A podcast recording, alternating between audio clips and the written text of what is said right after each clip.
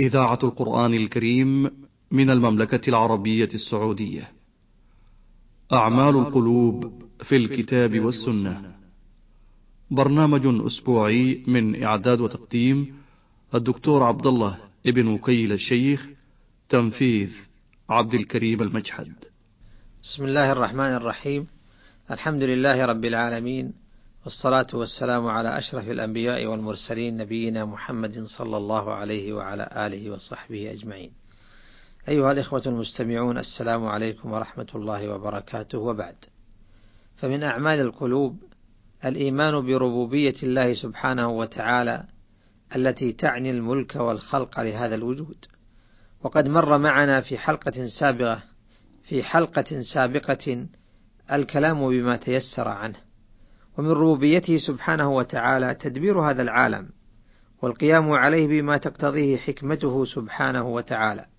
فإنه لم يخلق الخلق ثم تركه ولكنه لا يزال ولن يزال مدبرا لأمر هذا الخلق إيجادا وإعداما وإحياء وإماتة إلى غير ذلك مما يدخل تحت قوله تعالى يسأله من في, يسأله من في السماوات والأرض كل يوم هو في شأن.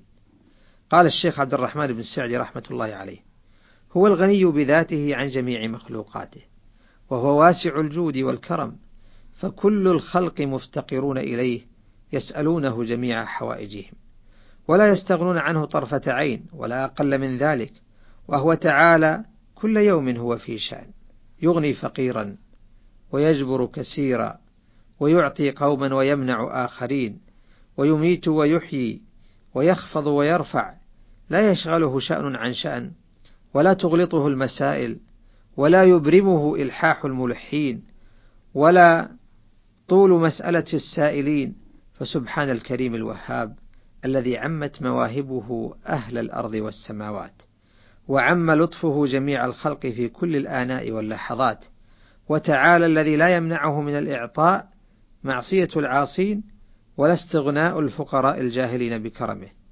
وهذه الشؤون التي أخبر أنه كل يوم هو في شأن منها هي تقاديره وتدابيره التي قدرها في الأزل وقضاها ولا يزال تعالى يمضيها وينفذها في أوقاتها التي اقتضتها حكمته وهي أحكامه الدينية التي هي الأمر والنهي والقدرية التي يجريها على عباده مدة مقامهم في هذه الدار حتى إذا تمت هذه الخليقة وأفناهم الله تعالى وأراد أن ينفذ فيهم أحكام الجزاء ويريهم من عدله وفضله وكثرة إحسانه ما به يعرفونه ويوحدونه نقل المكلفين من دار الابتلاء والامتحان إلى دار الحيوان. انتهى كلامه رحمه الله.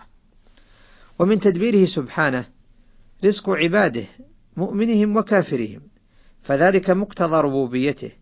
ولهذا لم يقر إبراهيم عليه السلام على دعائه باقتصار الرزق على المؤمنين كما قال تعالى وإذ قال إبراهيم رب اجعل هذا بلدا آمنا وارزق أهله من الثمرات من آمن منهم بالله واليوم الآخر. هكذا أراد إبراهيم عليه السلام ألا يرزق إلا المؤمن ولكن الله رب العباد جميعا. فقال تعالى قال ومن كفر فأمتعه قليلا ثم أضطره إلى عذاب النار وبئس المصير. إن الرزق عام بين العباد، وإنما يتفاوتون في المآل حيث يستعين المؤمن برزق الله على طاعة الله، ويستعين به الكافر على عصيان مولاه، فيكون مآله الاضطرار إلى عذاب النار وبئس المصير. وفي سورة الإسراء يذكر الله هذه الحقيقة بشيء من البسط فيقول سبحانه: من كان يريد العاجلة عجلنا له فيها ما نشاء لمن نريد ثم جعلنا له جهنم يصلاها مذموما مدحورا. ومن أراد الآخرة وسعى لها سعيها وهو مؤمن فأولئك كان سعيهم مشكورا. كلا نمد هؤلاء وهؤلاء من عطاء ربك وما كان عطاء ربك محظورا. انظر كيف فضلنا بعضهم على بعض وللآخرة أكبر درجات وأكبر تفضيلا. وبمقتضى ربوبيته سبحانه تكفل برزق سائر الكائنات من غير بني الإنسان كما قال تعالى وما من دابة في الأرض إلا على الله رزقها ويعلم مستقرها ومستودعها كل في كتاب مبين. وهذا الرزق شامل لضعاف الحيوانات التي لا تجد الطاقة على الارتزاق وكأي من دابة لا تحمل رزقها. الله يرزقها وإياكم وهو السميع العليم. وقد ذكروا في رزق الحيوانات الضعاف عجبا من القصص ومن ذلك ما ذكروه من أن الغراب إذا فقس عن فراخه البيض خرجوا وهم بيض فإذا رآهم أبواهم كذلك نفرا عنهم أياما. حتى يسود الريش فيظل الفرخ فاتحا فاه يتفقد أبويه فيقيض الله تعالى له طيرا صغارا كالبرغف فيغشاه فيتقوت به تلك الأيام حتى يسود ريشه والأبوان يتفقدانه كل وقت فكلما رأوه أبيض الريش نفرا عنه فإذا رأوه قد اسود ريشه عطفا عليه بالحضانة والرزق.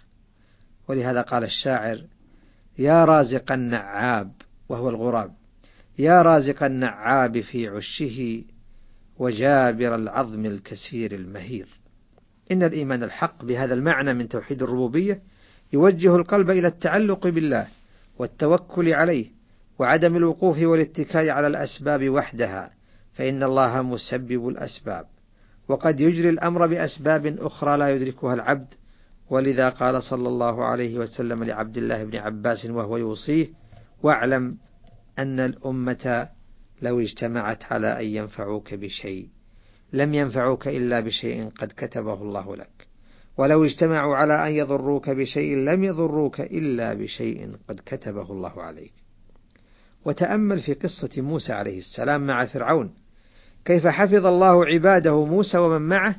حين لم يظهر في التقدير البشري سبب للنجاة ولكن رب موسى ومن معه لم يتخلى عنهم أحوج ما يكونون إليه. فأتبعوهم مشرقين. فلما تراءى الجمعان قال أصحاب موسى إنا لمدركون. قال كلا إن معي ربي سيهدين. فأوحينا إلى موسى أن اضرب بعصاك البحر فانفلق فكان كل فرق كالطود العظيم. وأزلفنا ثم الآخرين وأنجينا موسى ومن معه أجمعين ثم أغرقنا الآخرين إن في ذلك ثم أغرقنا الآخر الآخرين إن في ذلك لآية وما كان أكثرهم مؤمنين وإن ربك لهو العزيز الرحيم. ومن أجل أن هذه الربوبية تعني التدبير الدائم لأمر هذا الخلق كثر استعمال كلمة الرب في دعاء الأنبياء والمرسلين وعباد الله الصالحين الذين يتذكرون دوما أن الخلق والتصريف والتدبير بيد الحق سبحانه وتعالى. ولذا قال إبراهيم وإسماعيل ربنا تقبل منا إنك أنت السميع العليم. ربنا واجعلنا مسلمين لك ومن ذريتنا أمة مسلمة لك وأرنا مناسكنا وتب علينا إنك أنت التواب الرحيم. ربنا وابعث فيهم رسولا منهم يتلو عليهم آياتك ويعلمهم الكتاب والحكمة ويزكيهم. وقال نوح عليه السلام رب انصرني بما كذبون. وقال أيضا رب لا تذر على الأرض من الكافرين ديارا. وقال أيضا رب اغفر لي ولوالدي ولمن دخل بيتي مؤمنا وللمؤمنين والمؤمنات ولا تزد الظالمين إلا تبارا. وقال سليمان عليه السلام رب اغفر لي وهب لي ملكا لا ينبغي لأحد من بعدي إنك أنت الوهاب. وقال موسى عليه السلام رب إني ظلمت نفسي فاغفر لي فغفر له إنه هو الغفور الرحيم. وقال أيضا ربي بما أنعمت علي فلن أكون ظهيرا للمجرمين. وقال أيضا لما خرج من قريته خائفا رب نجني من القوم الظالمين. ولما ورد ماء مدين وساعد ابنتي شعيب وتولى إلى الظل قال رب إني لما أنزلت إلي من خير فقير. والدعاء بالربوبية أيضا هو شأن عباد الله الصالحين من أتباع المرسلين فذكر الله عباده الذين شرفهم بنعتهم بأنهم عباد الرحمن كما في آخر سورة الفرقان وذكر من دعائهم ربنا اصرف عنا عذاب جهنم إن عذابها كان غراما. ربنا هب لنا من أزواجنا وذرياتنا قرة أعين واجعلنا للمتقين إماما. وفي آخر سورة آل عمران في دعاء أولي الألباب أصحاب القلوب الحية ربنا ما خلقت هذا باطلا سبحانك فقنا عذاب النار. ربنا إنك من تدخل النار فقد أخزيته وما للظالمين من أنصار. ربنا إننا سمعنا مناديا ينادي للإيمان أن آمنوا بربكم فآمنا. ربنا فاغفر لنا ذنوبنا وكفر عنا سيئاتنا وتوفنا مع الأبرار. ربنا وآتنا ما وعدتنا على رسلك. ولا تخزنا يوم القيامة إنك لا تخلف الميعاد. وأستودعكم الله. والسلام عليكم ورحمة الله وبركاته. أعمال القلوب في الكتاب والسنة. برنامج أسبوعي من إعداد وتقديم الدكتور عبد الله ابن وكيل الشيخ تنفيذ عبد الكريم المجحد.